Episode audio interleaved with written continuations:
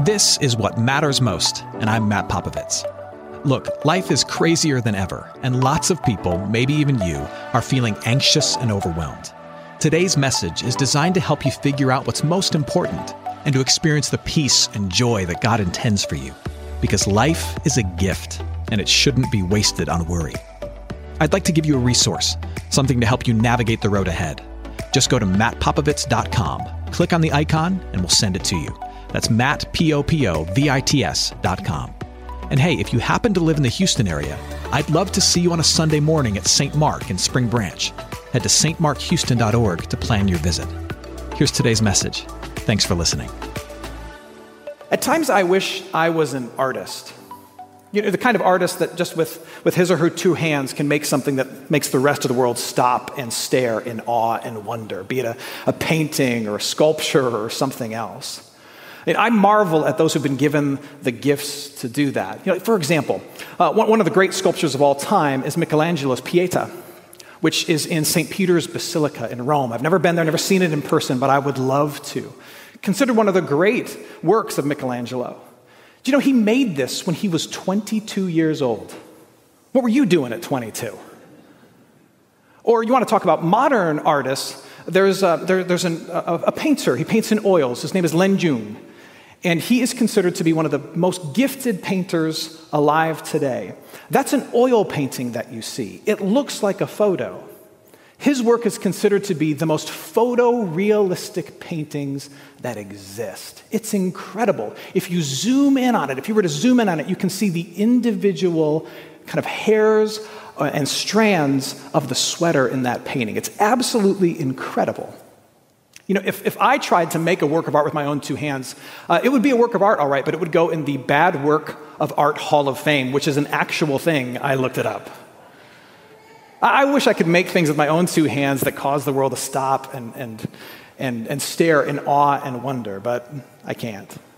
the reason I bring that up is because as we continue this walk through the book of Colossians and we look at the second half of chapter one, what we get is, is Paul saying to this early church that Jesus is the artist behind all things. Uh, the, the wonder of creation, the glory of the church, all of it and more. Jesus is the artist behind it all. It's all, it's all the creation of his mind, the work of his hands, and it declares his glory. It's, it's all about him.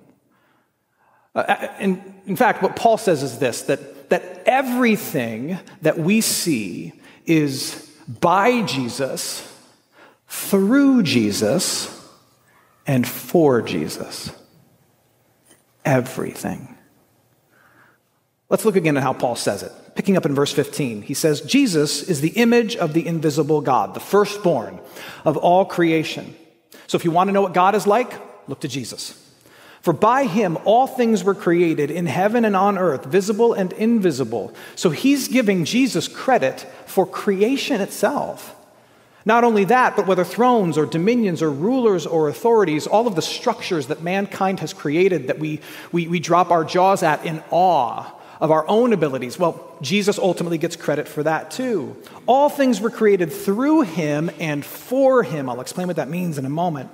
And he is before all things, and in him all things hold together, and he is the head of the body, the church. He is the beginning, the firstborn from the dead, that in everything he might be preeminent. Think again about an artist. Think about a sculpture. Before that sculpture sits in a museum, it exists only in the mind of the artist. Before anything is crafted, it only lives up here or in here. And yet, by the will of the artist, it begins to exist. When Paul says all things exist by him, it's because he's saying Jesus has chosen to allow all things to exist. And then, once the artist grabs the tool or puts their hands on the clay, something physical starts to form. Through the artist's skill and ability, something comes to life. That's what Paul is getting at when he says all things come through him, through the handiwork, through the, the hands on action of Jesus. All things that you marvel at have come to be. And then once that work of art is established and it's created and it sits in a museum and people gather around it and their jaws drop and they say, wow, that's amazing.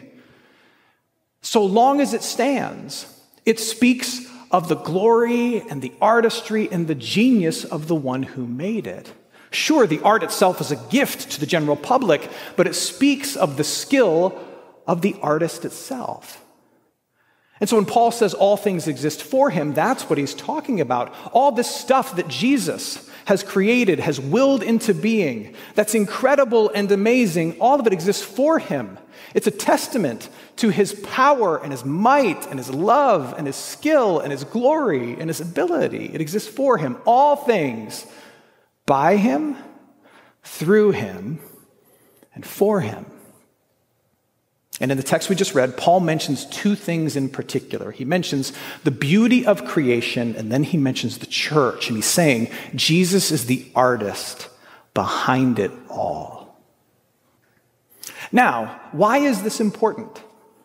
Why did Paul need to write to this small church in the western part of Turkey in this kind of backwater town named Colossae, why did he need to write to them and tell them, you know, Jesus is everything? Jesus is everything. Why did he need to tell them that? Had they forgotten it? Well, long story short, apparently. Uh, we don't know a ton about what was happening in Colossae, but from this letter and some others, and also from some historical record, what we do know is that there were, there were teachers kind of on the tail of, of the true Christian teachers coming into towns like Colossae and trying to undo the teaching of the gospel, trying to undo the truth about who Jesus is.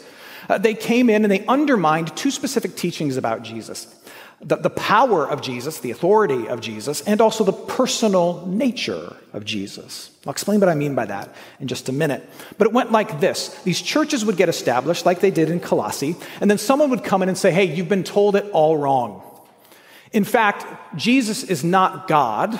Jesus is of God, but he's not God. He doesn't have that much authority, doesn't have that much credibility. He's not the big guy. He's like the vice president, not the president, which has implications major implications.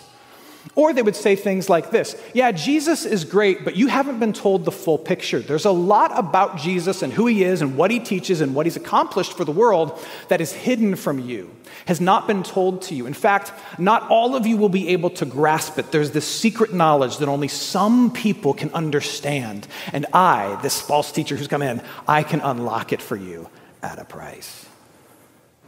And then some would come in and say, Yes, Jesus is great, but he's not nearly the personal artist that you think he is.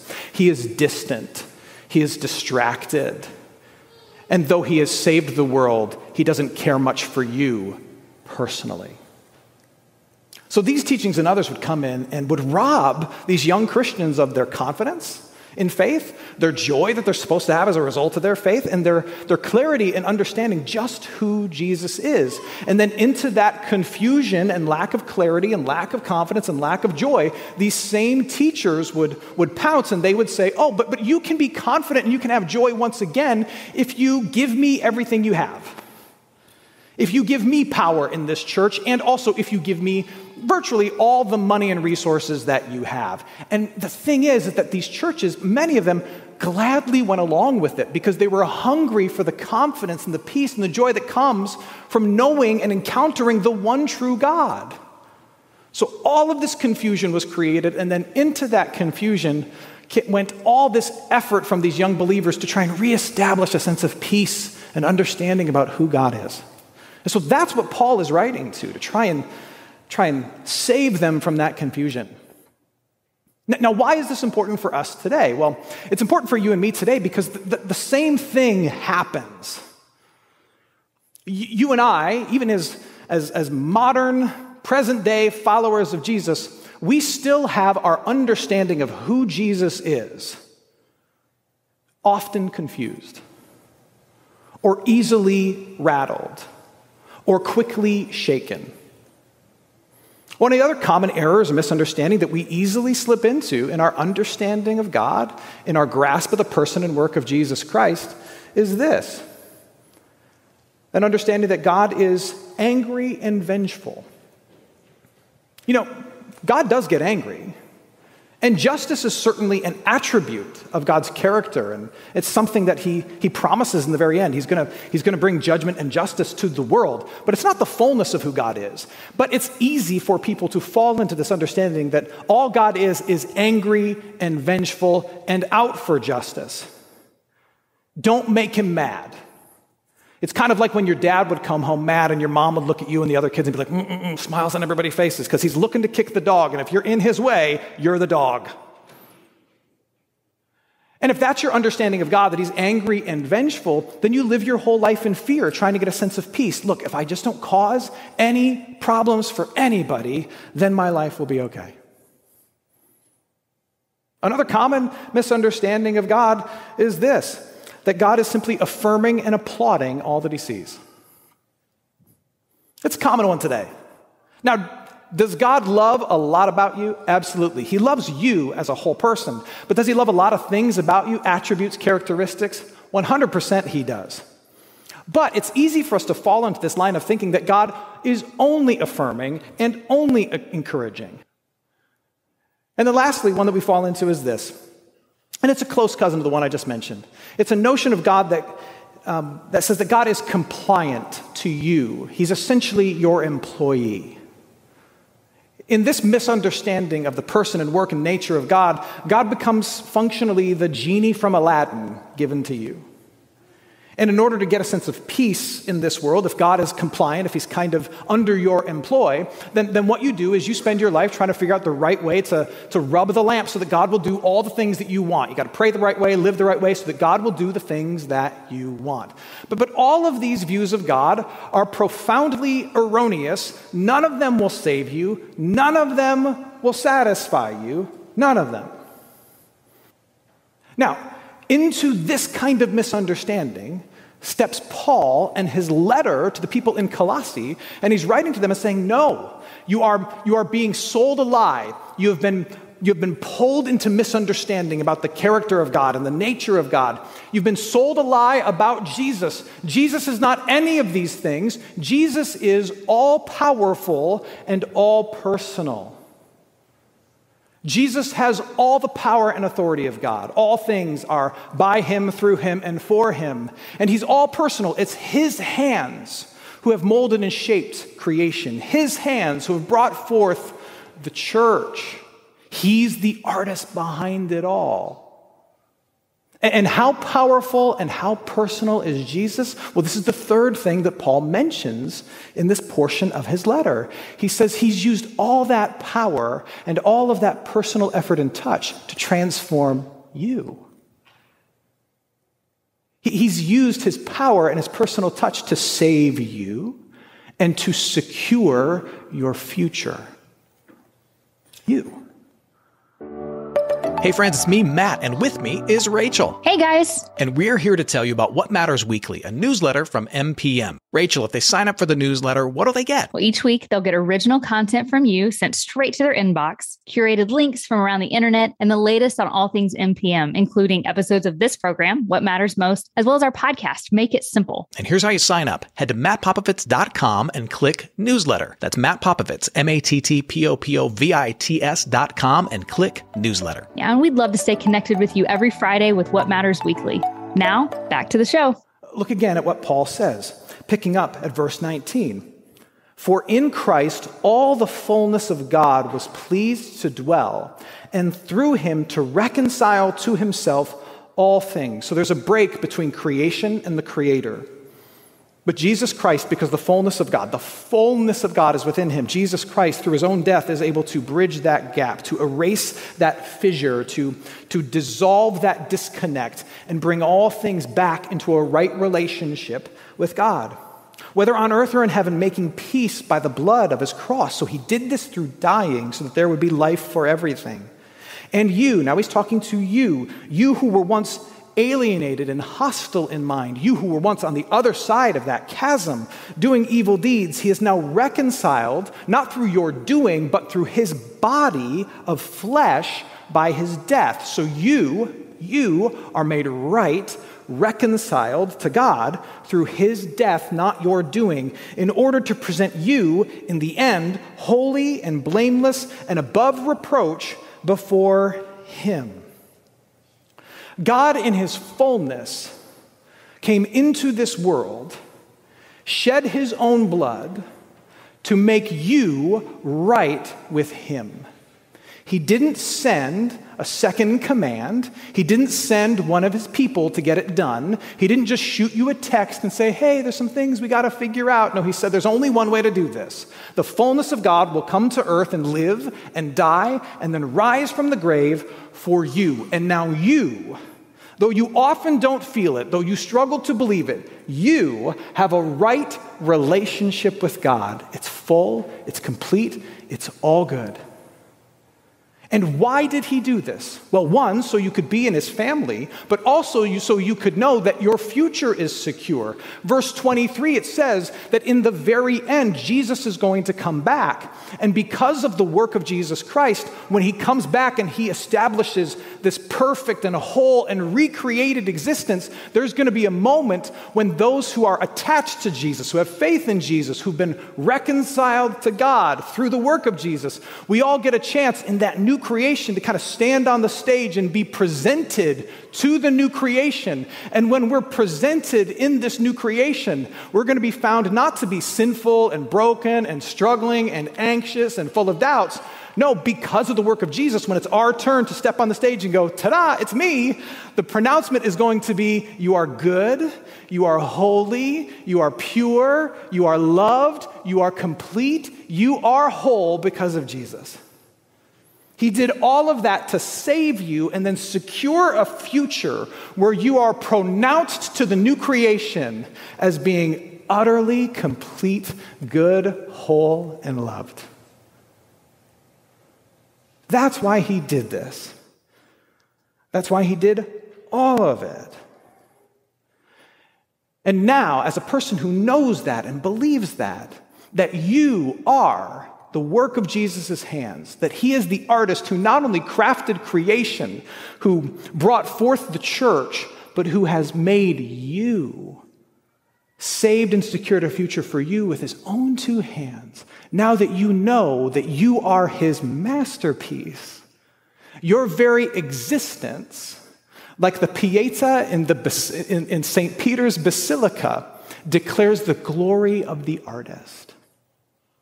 Your very ex- existence declares the genius and the artistry and the goodness of God. Now, imagine for a second how overwhelming of a message that had to have been for the small, struggling, persecuted church in this small town in the western part of Turkey called Colossae. I hope that that message hits your heart and you feel like, my goodness, I am seen, loved, touched, created. I, am a masterpiece of God from, through the work of Jesus Christ. I hope that that touches your heart and fills you with joy. But, but imagine for a second that if you're a member of this tiny church in the earliest days of Christianity, how overwhelming that had to be. This was a small church, a nobody group of people culturally, in a nobody town, in a world that was ruled by Rome, which was miles, miles, hundreds, hundreds of miles away. They would never travel there, never see it. The only media they ever had, they didn't have cell phones, didn't have televisions, it goes without saying. The only thing closest to media that they had were coins. Coins. Many of them would never see anything else printed, no other image. The only image they would ever see would be Roman coins. The only thing they'd ever seen was a coin with the image of an emperor on it. And at the time that this letter was written, there was a brand new emperor in town named Nero. And he rose to power with a ton of acclaim. It ended real bad. Google it.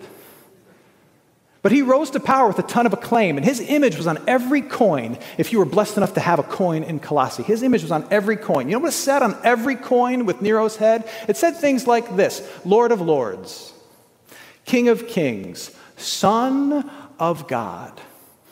The only message they'd ever seen given to them, the only image of God that they'd been given to them was an image of Nero or another emperor on a coin that said, He is the one who rules all things, who's above all things, who's in all things. All things are held together by the Roman Empire, and this man in particular. A man that you will never meet, you will never see, and he doesn't care about you because he's never coming to this small town. But he's in charge of your whole life. So now, what does Paul say? Paul says, oh no, Nero's not the one who is above all things and holds all things together. Jesus Christ is the one who holds all things together. He is the image, the icon, same word used to describe the side of a coin. He's the image of God, not Nero on a coin. You want to know who God is, who the Lord of Lords is? It's Jesus Christ. He's the one who's above all things, before all things, holds all things together. He crafted everything, creation. He's putting this thing together called the church. And you know what? He even used all of his power and all of his might to claim you to save you and to guarantee a future for you. I know the rest of the world thinks you're nobody, but the one who actually rules the world has called you by name and made you his own. If you're a member of this small church and that moment in history, that is an overwhelming, mind blowing thought. And that's Paul's message to them, and it's his message to you. So then the question is how does this change things for us? Well, that's what he spends the rest of the book expounding. If Jesus Christ is the artist behind all things and his hands are upon your life and he's made you a saved and secure person, how does this change you? That's what he spends the rest of the book talking about. But, but I'll give you a hint. Here's how it should change you. I think you should be wrestling with this question, by the way. If all that is true, if the gospel is true, how does my life need to be different today? I think that's a daily question for us. If the gospel is true, how now should I live? And the New Testament, Jesus is in particular, but the New Testament goes to great lengths to say basically this. I'll summarize it like this that since Jesus Christ is before all things and holds all things together, and his hands are upon your life, and you are one of his works of art, because of that, you are free to live with both boldness and joy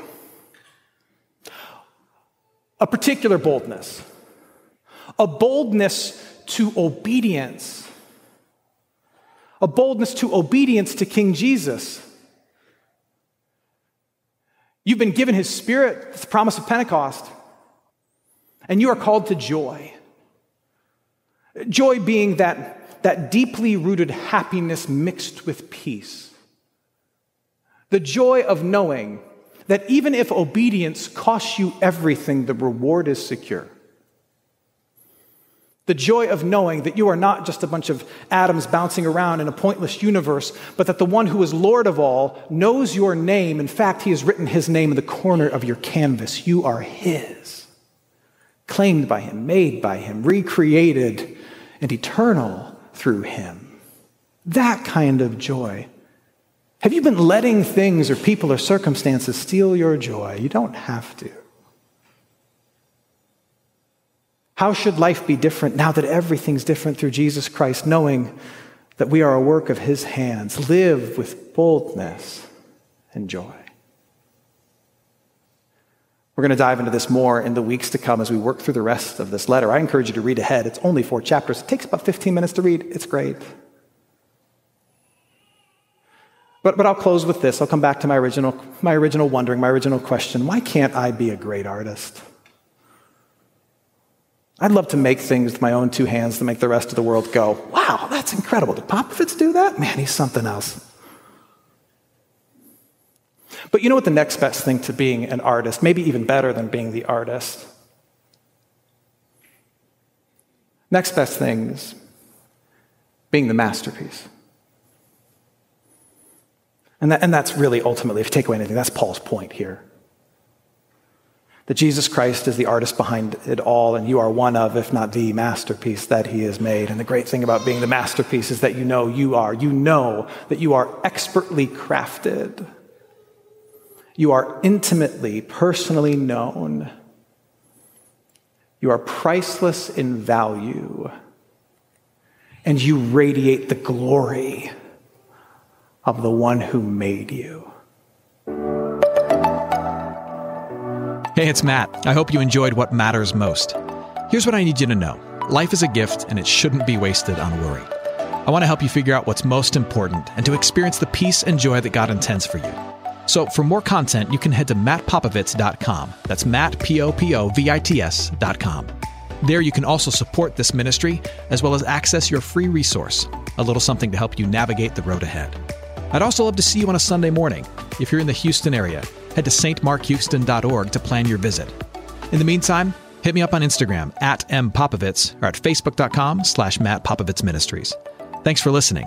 Now go and hold tight to what matters most.